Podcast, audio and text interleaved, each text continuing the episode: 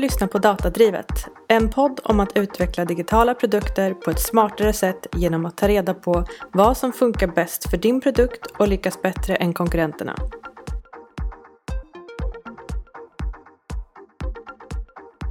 Idag ska vi prata om kärnflöde.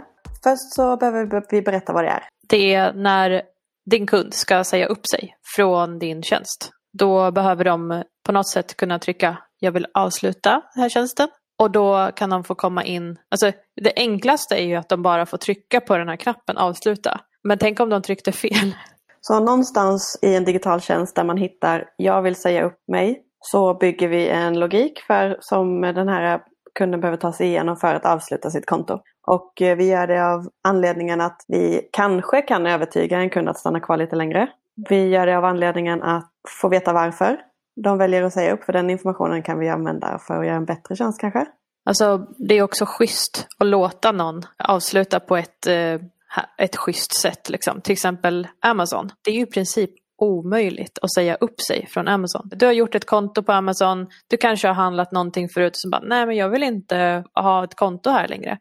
Det är helt omöjligt. Det finns en eh, dude som gjorde en sex minuter fast, snabbspolad screen recording, ligger på Youtube. Och han kan liksom inte göra det. Han kan, han kan inte hitta vad, det finns ingen FAQ, det finns ingen på kundservice som vill hjälpa honom, det finns ingenstans på hans konto där han kan stänga av sitt konto. Då känns det ju liksom jobbigt. Medan typ eh, jag sa upp mitt konto på Netflix häromdagen. För ah, men eh, det, de, de serierna som jag har kollat på, de har jag kollat klart på jag känner inte att jag behöver ha det mer. Så då tog jag lite skärmdumpar. Och då, det är ganska lätt att hitta var jag gör det. Jag gör det på mina kontoinställningar liksom. Och då frågar de eh, lite frågor. I princip är det ju ett eh, formulär kan man säga. Så bara, ah, men, eh, välkommen, du vill eh, säga upp dig. Varför vill du göra det? Är det för dyrt? Då kan du ha en annan plan som kostar mindre i månaden. Är du inte säker på om du faktiskt vill ha Netflix så kanske du kan cancella bara den här månaden och så kan du pausa. Eh, de kallar det för, du, om du inte älskar Netflix då kan du säga upp ditt medlemskap precis nu. Jag bara, ja ah, det vill jag göra, jag vill avsluta nu. Och då kommer den säga, ja men vi har eh, avslutat ditt medlemskap men vi vill hela tiden förbättra vår tjänst och din feedback spelar roll. Varför sa du upp ditt eh, medlemskap hos oss? Och då finns det några olika alternativ. Det finns inte tillräckligt många bra tv-program på Netflix. Det finns inte tillräckligt många bra filmer på Netflix. Det är för mycket buffering och dålig videokvalitet. Jag vill ersätta Netflix med en annan videoservice jag har eh, en internetgräns eller att jag har en eh, långsam internet. Jag har inte tid att titta på Netflix eller Netflix är för dyrt för mig eller övrigt. Och då oh, får man skriva... Man är trött av alla, ja. av alla alternativ nu. Ja. Men, ja, och så, men för mig var det ju, ja, men typ, det var inte tillräckligt många bra tv-program och jag har inte tid att titta på Netflix. Tack. Mm. Eh, Måste man svara på dem? Vi, nej, man måste inte. Mm. Men det är liksom, rubriken är We've cancelled your membership. Mm. Så.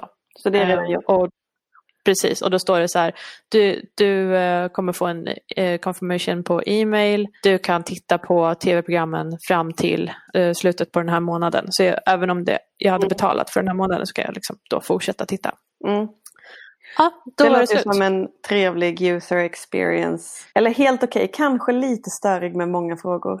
Det är en jädra fin balans. Mm, precis, ju fler frågor du ställer desto... Ja, Joni blev inte irriterad. Jag tyckte det ändå var okej. Jag tyckte det var helt okej. Mm. Om någon är i läget att vilja säga upp någonting så är ju den redan på en negativ not. Så att säga. Och då får man ju vara lite extra försiktig med att, att ställa rätt mängd frågor. För om, om vi pratar om, om vi tar Amazon som exempel. Det skulle vi ju kalla för dark pattern user experience. Alltså att man, Precis. man designar någonting för, i syfte att göra det svårt för att behålla en kund som faktiskt inte vill vara en kund. Och hur ja, får det mig att känna, ja, precis, ja men fult, dark, ja precis, någonting som är fult. Och det får ju mig att känna mig typ ja, men irriterad. Kanske att de vet att man är ganska så lat ändå. Så man struntar mm. i det och så får, ökar de på livstidsvärde, mitt, liksom, hur mycket pengar som jag ger till dem och så tycker de att det är värt det.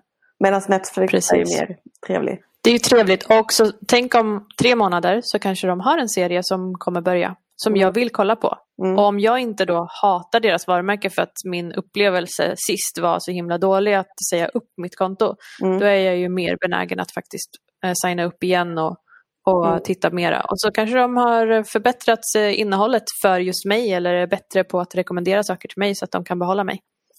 Kul att de inte hade med någon, något alternativ om att så här, algoritmen är för dålig. Exakt. Men, eh, ja, men vi pratade om varför vill man göra det? Jo men för att man vill samla på sig feedback från kunder för att lära sig att göra en bättre tjänst. Och det är ju liksom alltid grunden i att vara kundcentrerad. Vilket är grunden till att vara datadriven. Och då blir det här ett viktigt steg i någonting som vi kallar för en Customer Feedback Loop. Det är egentligen ett system för att se till att man samlar in och tar hand om feedback från kunder i hela deras livscykel. Och att det finns, att man ser till att man har verktyg och möjlighet att ställa frågor eller för kunder att väldigt enkelt eh, säga vad de tycker om en upplevelse i ett flöde. Har du sett liksom på vissa appar eller webbplatser finns det typ som en liten flärp på sidan där det står feedback kan klicka ut den och så kan man typ skärmdumpa och skriva någonting. Eller vissa jobbar med en sån här liten chattfunktion, eh, skitstörig också men en sån här liten chattfunktion. Hatar chattarna. Eh, alltså, ha, Hatar dem. Fortfarande så är ju det ett sätt att kunna samla in feedback. Att bygga en genomtänkt customer feedback loop, det kan vi prata om i ett annat avsnitt. Men just det här kärnflödet och att ställa frågor om varför som någon inte vill vara kund längre är ju obvi, eh, jättevärdefull eh, källa Mm. Och är, är bolaget, säger bolaget att man är datadriven och att man är kundcentrerad, då är det här en del i saker som företaget måste göra. Det hade ju varit helt sjukt om Facebook skulle ta hand om alla en och en via sin kundtjänst. Så att de skulle ringa in eller mejla in och säga jag vill säga upp mitt konto och så skulle de mejla tillbaka okej okay, men då behöver vi veta att du är du och bla bla bla. Och vi vill också ta reda på varför du vill säga upp det eller har du tänkt på att om du stannar en månad till så har vi det här erbjudandet till dig. Alltså det hade varit helt ogörbart. Så där, därför är ett kärnflöde superbra.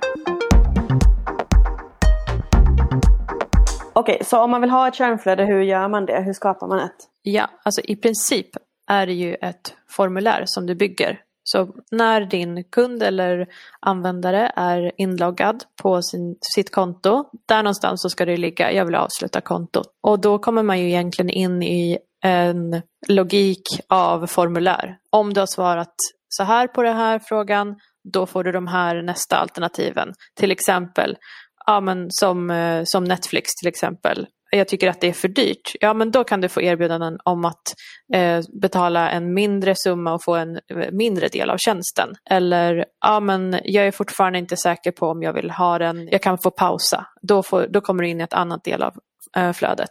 Så egentligen är det bara liksom, lite smartare formulär. Där är ju precis som med eh, onboardingen, att det faller mellan stolarna. Vem är det som egentligen ska äga det?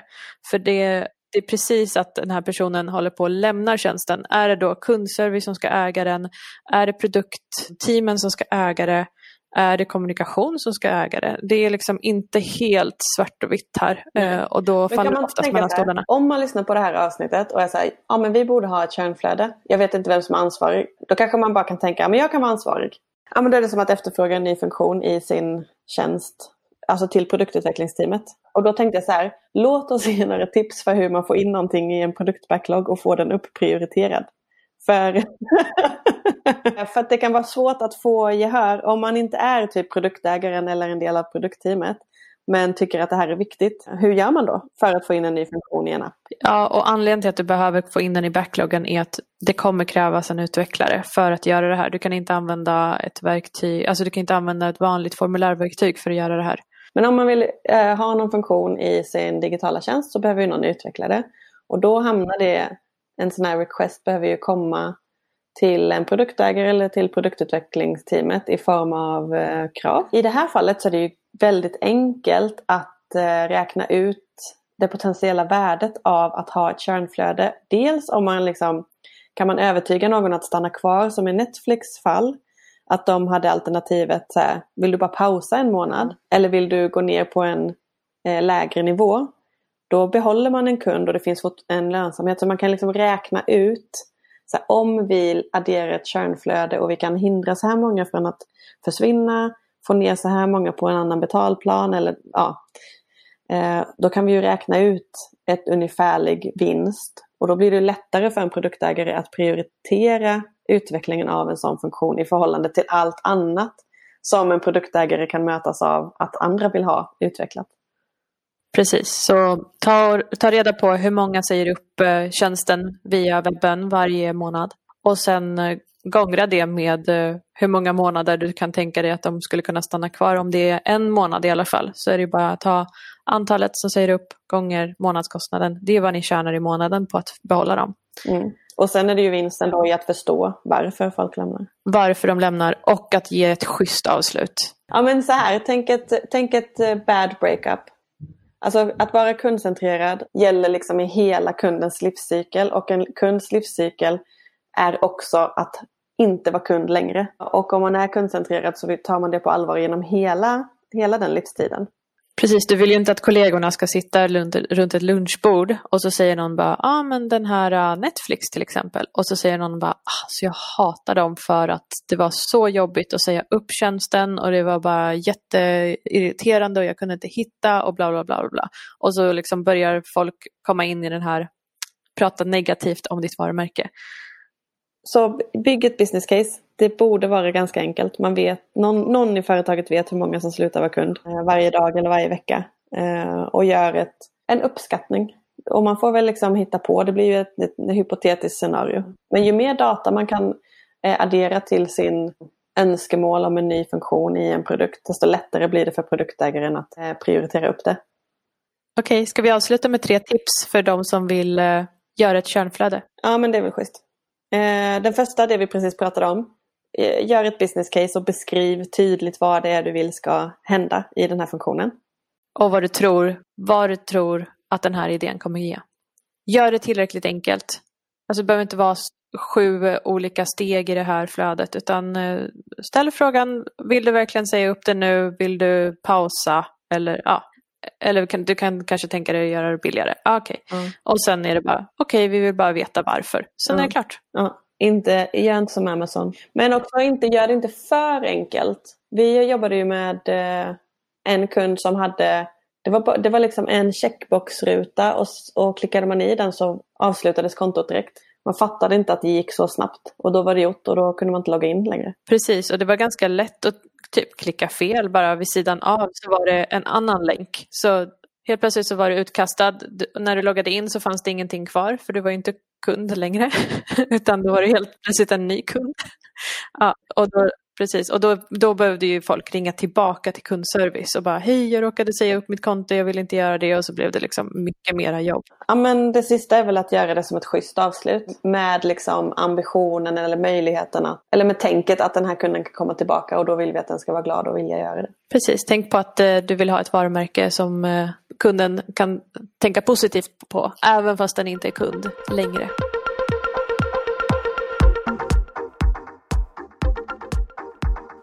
Du har lyssnat på Datadrivet. Har du frågor kring att jobba datadrivet, då får du gärna kontakta oss på LinkedIn. Där heter vi Joni Lindgren och Jasmin Jaja. Dela gärna avsnittet med någon du tror skulle bli glad av att lära sig mer om att jobba datadrivet. Screenshotta när du lyssnar på podden och skicka bilden till personen.